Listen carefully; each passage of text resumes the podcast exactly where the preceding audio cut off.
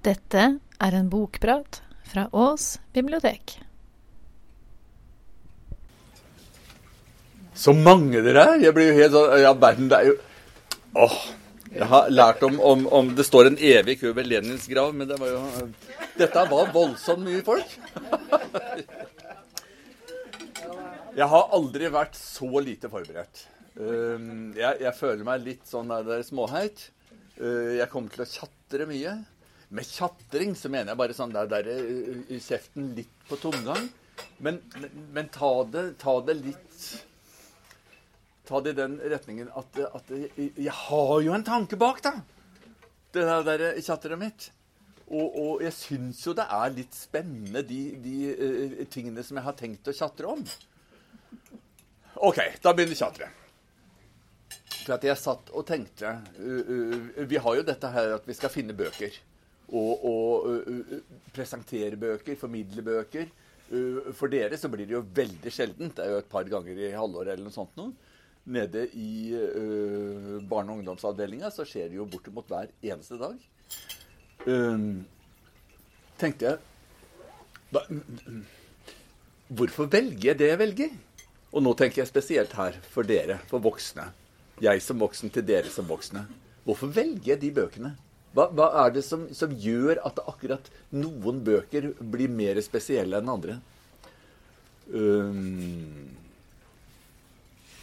og da kommer du inn på mange ting. Sånn der med, med For det første, i bøkene, hva er det ved dem som gjør at jeg blir så spesielt opptatt av dem? Hva, hva er det som gjør at de vil sitte sitte i meg og, og, gjøre at jeg har lyst til å døtte dem videre på dere. Og da begynner jeg å lure på hva er jeg for en leser, da? Er jeg en sånn da derre uh, snillfisk som, som, egentlig leser samme boka bestandig? Bare i litt forskjellige stilarter og litt uh, forskjellige innpakninger. Er jeg den sorten? Eller er jeg mer altetende? Er jeg, er jeg, sånn at, at jeg, jeg, kan begeistres, jeg kan like veldig forskjellige ting? Det syns jeg er spennende. Um, jeg tenkte også hvor mye er det eh, jeg velger? Hvor stor del er det vi selv velger av fri vilje? Hvor, hvor stor del er vi manipulert av andre? Manipulert høres veldig ut, voldsomt stygt ut hvor mye blir vi inspirert av andre?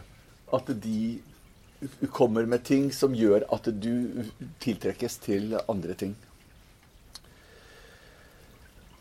Så kommer det, det som, som, ligger i bånn på det, det, de fleste, nemlig barndommen. Hva, hva som, hvordan var det når du var unge?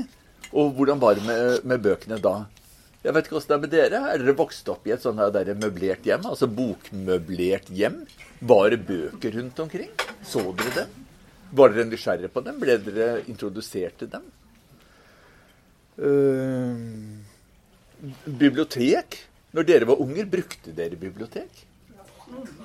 Og, og, og, og, hva gikk dere etter? Hørte dere etter på indre saker? Eller gikk dere etter hva foreldra deres sa? Eller bare venner? Eller hva, hvordan valgte dere? Hvordan kom dere fram til de bøkene dere satt igjen med? Jeg syns det er veldig spennende når jeg sitter på den andre sida i et bibliotek og, ser alle ungene rundt og, tenker Hvordan er jeg med på å forme disse her stakkars uskyldige folka? Med, jeg presser på dem bøker Kanskje de syns det er noe dritt? Det er jo helt forferdelig tanke. Men kanskje de syns det er noe gull òg. Så det er uh, Vi har ganske stor makt når det gjelder bøker. Um, noen bøker blir du fort glad i, og noen bøker setter seg fast i deg, sånn at du, du har dem resten av livet. Det er bøker som, som betyr ganske mye. Som én bok, og det var 'Tusen en natt', sitter spikra. For dette, det var vanvittig flotte tegninger. Det var en ordentlig dårlig innbindende bok som gikk omtrent i oppløsning, men det var noen tegninger som var så groteske. Om små dverger med kjempelange skjegg som hadde kølla og skulle slå inn skallen på noen. Og det var veldig dramatiske ting. Der var det tegningene som gjorde historiene levende. Um, Noen bøker blir du altså bare uh, sittende fast med og liker bedre og bedre jo eldre du blir. Andre avfeier du etter hvert. Og noen tør jo ikke å lese om igjen, for det vil jo være en forbrytelse mot deg selv som barn. Um, den boka som jeg skal, skal uh, prate om, den ble skrevet i 1902. Den er 114 år gammel.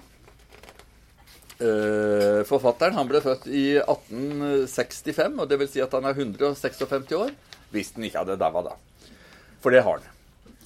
Uh, uh, han, og det er, det er en han, uh, ble født i Bombay, India. Men han er ikke noen sånn indisk litterær storhet.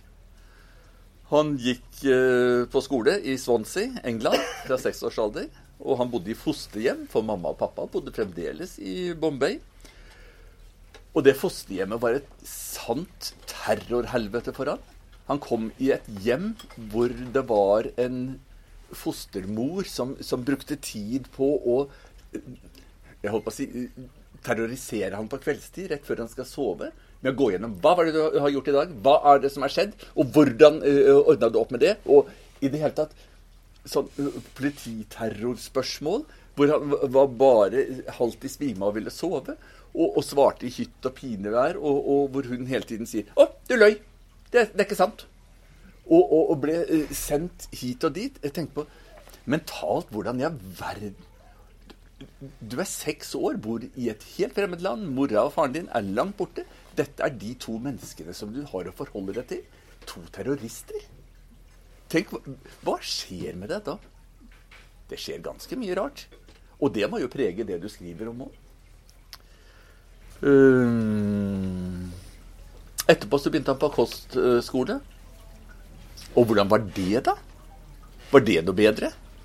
Du er prisgitt medelever. Du er prisgitt mer eller mindre sadistiske lærere.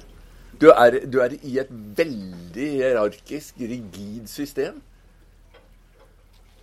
Denne typen må jo ha hatt Ja.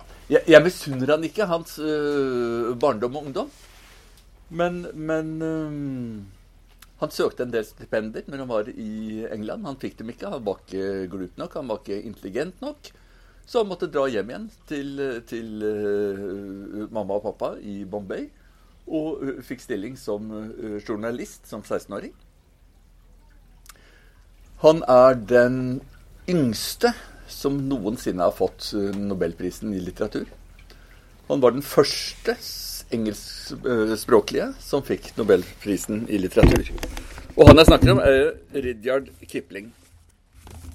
Og um, boka jeg, jeg, har lyst til å ta på meg, det er Just So Stories. Han er en veldig omdiskutert type. Han var råkonservativ. Han eh, er i ettertid blitt beskyldt for å være imperialist, eh, rasist eh, Alle fy-orda som fins i katalogen. Men når du går gjennom og ser hva folk har skrevet om han, så er det ganske samstemmig. Han var fantastisk til å skrive noveller. Han var fantastisk til å skrive for barn. En av disse historiene har fulgt meg opp gjennom tida, og, og jeg kjenner at jeg blir sånn litt sånn at det er snørrete i stemmen. Og det jeg har tenkt å gjøre, det er ikke å snakke mer nå, nå. jeg har tenkt å lese historien for dere, og det er 'Elefantungen'. I riktig gode gamle dager så hadde elefanten ingen snabel, min egen venn. Den hadde bare en klossete klump av en nese, ikke større enn en støvel, som den kunne vrikke litt fram og tilbake med, men den kunne ikke gripe eller plukke opp ting med den. Men så var det én elefant, en ung elefant, en elefantunge, som var full av umettelig nysgjerrighet. Og det vil si at han var så fæl til å spørre. Han bodde i Afrika, og han fylte hele Afrika med sin umettelige nysgjerrighet. Han spurte sin tynne tante strutsen hvorfor halefjærene hennes grodde slik som de gjorde. Og hans tynne tante strutsen dengte han med sin harde, harde klo. Han spurte sin lange onkel sjiraffen hvorfor skinnet hans var ternet og rutet, og hans lange onkel sjiraffen dengte han med sin harde, harde hov. Men elefantungen var like full av umettelig nysgjerrighet. Han spurte sin tykke uh, filletante, flodhesten, hvorfor øynene hennes var så røde. Og hans tykke filletante, flodhesten, dengte han med sin tykke, brede klau, og han spurte sin lodne fillonkel, bavianen, hvorfor melonene smakte slik som de gjorde. Og hans lodne fillonkel, bavianen, dengte han med sin lodne, lodne labbe. Og elefantungen var like full av umettelig nysgjerrighet. Han spurte og gro om alt han så, eller hørte, eller følte, eller luktet, eller smakte på. Alle onklene og tantene dengte han.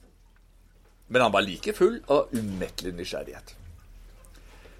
Så en vakker dag så kom den umettelige elefantungen med et flunkende nytt spørsmål som han aldri hadde spurt om før. Han spurte nemlig hva spiser krokodillen til middag? Da sa alle sammen 'hysj' med høy og truende stemme, og så dengte de han omgående og øyeblikkelig, uten pust eller pause, både vel og lenge. Da det omsider var overstått, så traff han kolo-kolo-fuglen, som satt midt inni et bi, bilit eh, tornekratt, og til den sa elefantungen. Min far har dengt meg, min mor har dengt meg, alle mine tanter og onkler har dengt meg på grunn av min umettelige nysgjerrighet, men likevel skulle jeg gjerne vite hva krokodillen spiser til middag. Og så sa kolokolofuglen med et sørgmodig skrik. Gå til bredden av den grunne, grågrønne, grumsete Limpopo-elva, som er overgrodd med febertrær, og se selv. Alt neste morgen så tok den umettelige elefantungen 50 kilo bananer, ja, av den lille, tykke, røde sorten, og 50 kilo sukkerrør ja, av den lange, blåfiolette sorten, og 17 meloner av den grønne, rutete sorten, og så sa han til alle sine kjære slektninger farvel. Nå går jeg til den grønne, grågrønne, grumsete Limpopo-elva, som er overgrodd med febertrær, for å undersøke hva krokodillen spiser til middag. Og de dengte han alle sammen til lykke på reisen, ennå han ba dem riktig pent og høflig om å holde opp. Og så dro han av sted, litt het om øra, men ikke det spor forbausa. Og han gnaska meloner og slengte skallene fra seg, for han kunne jo ikke plukke dem opp. Han gikk fra Grahamstown til Kimberley, og fra Kimberley til Kamasland, og fra Kamasland gikk han mot nordøst, mens han knaska meloner hele tida, inntil han omsider kom til bredden av den grunne, grågrønne, grumsete Limpopo-elva, som var overgrodd med febertrær, akkurat som kolo-kolo-fuglen hadde sagt. Nå må du huske på det, min egen venn, at helt til denne dag og time, helt til dette minutt, hadde den umettelige elefantungen aldri sett en krokodille. Han ante ikke hvordan en krokodille så ut. Han var bare så umettelig nysgjerrig. Det første han møtte, var en tverrstripete klippepytonslange som hadde kveilet seg rundt en stor stein. Unnskyld, sa elefantungen riktig pent og høflig. Du skulle vel ikke ha sett noe slikt som en krokodille i disse uoversiktlige strøk?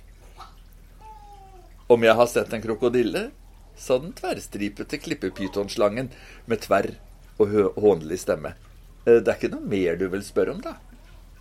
Jo, unnskyld, sa elefantungen. Du ville ikke være så snill å fortelle meg hva den spiser til middag? hvorpå den tverrstripete klippepytonslangen viklet seg meget hurtig løs fra stenen og dengte elefantungen med den skjellete, smellete halen sin.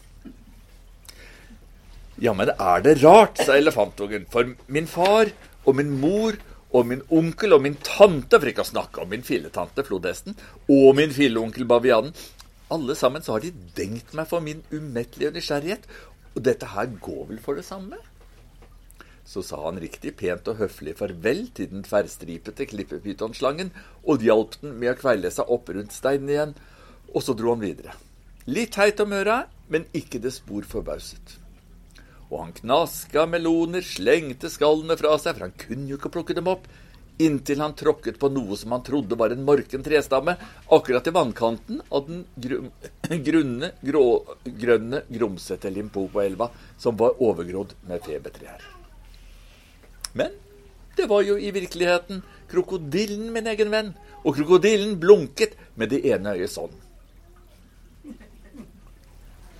Unnskyld, sa elefantungen riktig pent og høflig. Du skulle vel ikke ha sett en krokodille i disse uoversiktlige strøk? Da blunket krokodillen med det andre øyet og snodde halve halen opp av gjørmen, og elefantungen gikk riktig pent og høflig til side, for han hadde ikke lyst til å bli dengt en gang til. Kom hit, småen, sa krokodillen.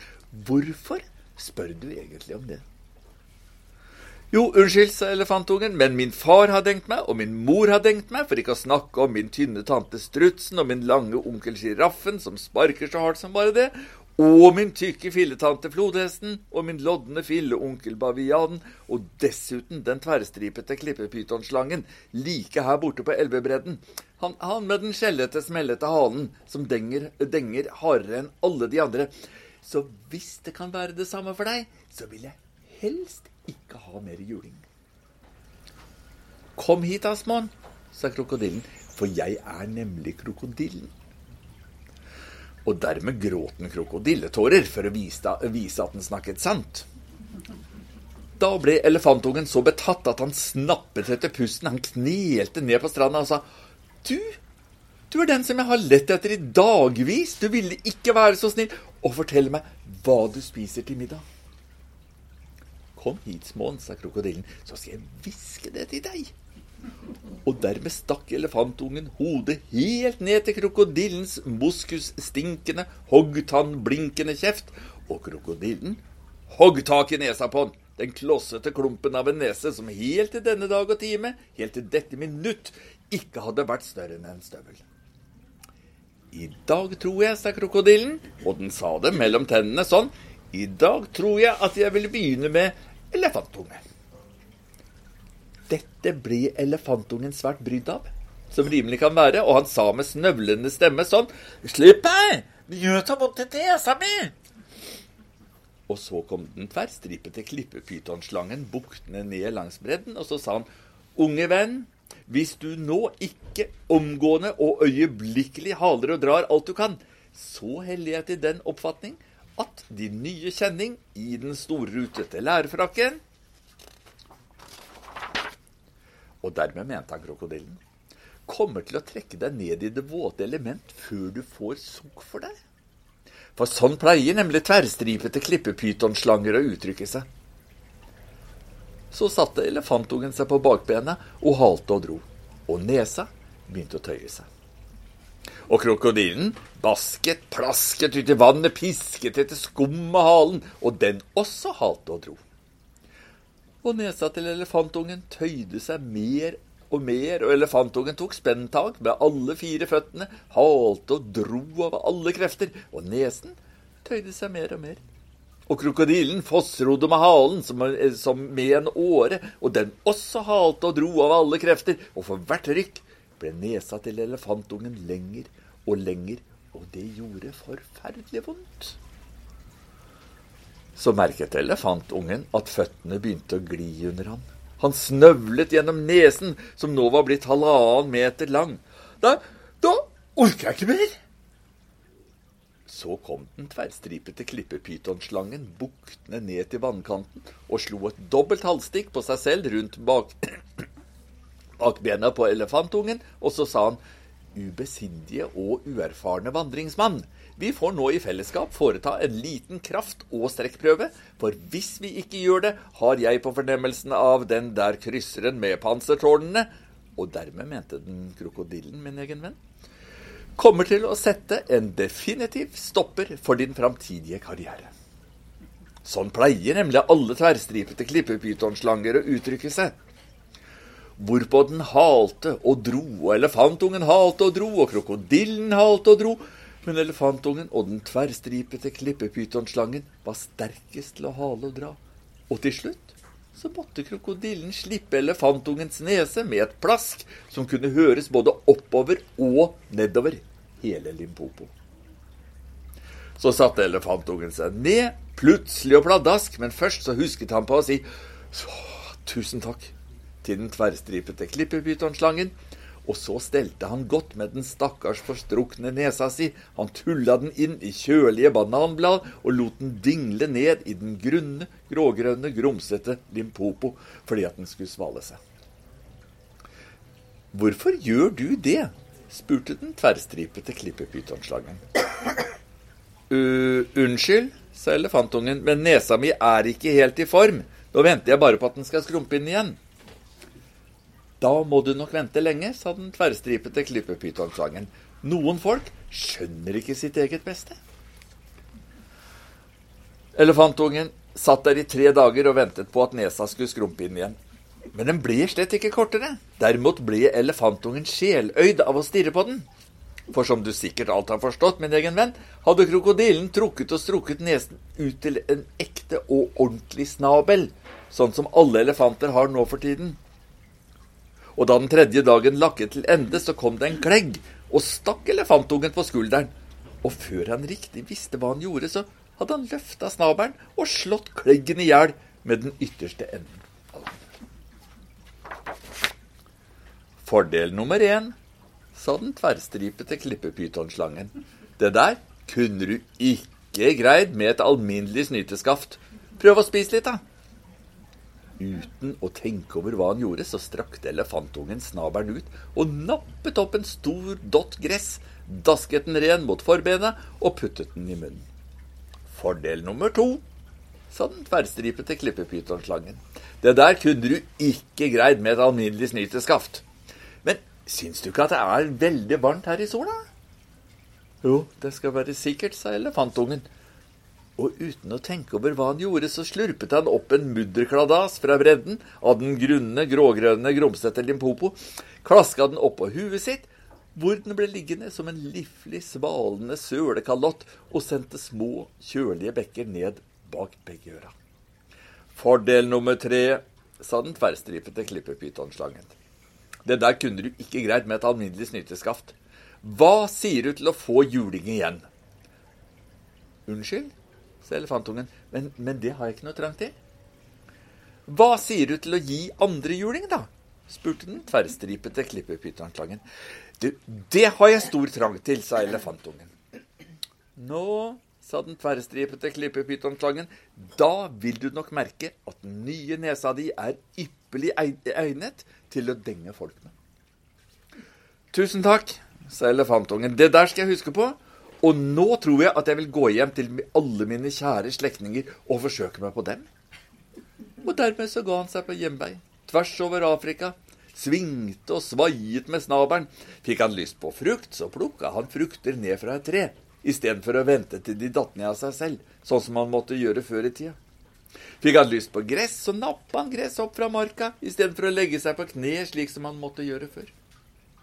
Ble han plaget av mygg og klegg, så brakk han av en lubben grein og brukte den til fluesmekker. Og hver gang sola stekte og stakk, så laget han seg en ny, liflig, svalende sølekalott. Når han følte seg ensom på sin vandring tvers over Afrika, så nynnet han med seg selv gjennom snabelen og da ljoma det så mange trompeter og basuner. Han gjorde en ekstra omvei for å oppsøke en tykk flodhest, som han ikke var i familie med, og den dengte han riktig ettertrykkelig for å være helt sikker på at den tverrstripete klippepytonslangen hadde snakket sant om den nye snabelen. Resten av tida så plukket han opp de melonskallene som han hadde slengt fra seg på framveien til Limpopo, for han var en tykkhud med ordenssans. En mørk kveld så kom han tilbake til sine kjære slektninger. Og han rullet snabelen opp, og så sa han, 'God dag, åssen står det til?' Og de ble svært glade for å se han igjen, og de sa øyeblikkelig, 'Kom hit, så skal du få juling for din umettelige nysgjerrighet.' Huff, sa elefantungen, 'Jeg tror ikke dere veit hva juling er, men det vet jeg, og nå skal jeg vise dere.' Dermed rulla han ut snabelen og dælja til to av brødrene sine, så de trimla over henne. Å du milde melon, sa de, hvor har du lært det nikket, hva har du gjort med nesa di? Jeg fikk en lang nese av krokodillen på bredden av den grunne, grågrønne, grumsete Limpopo-elva, sa elefantungen. Jeg spurte bare hva den spiste til middag, og så fikk jeg denne i presang. Å, den er jo riktig stygg å se på, sa den lodne filleunkelen bavianen. Det er den, sa elefantungen, men den er veldig praktisk.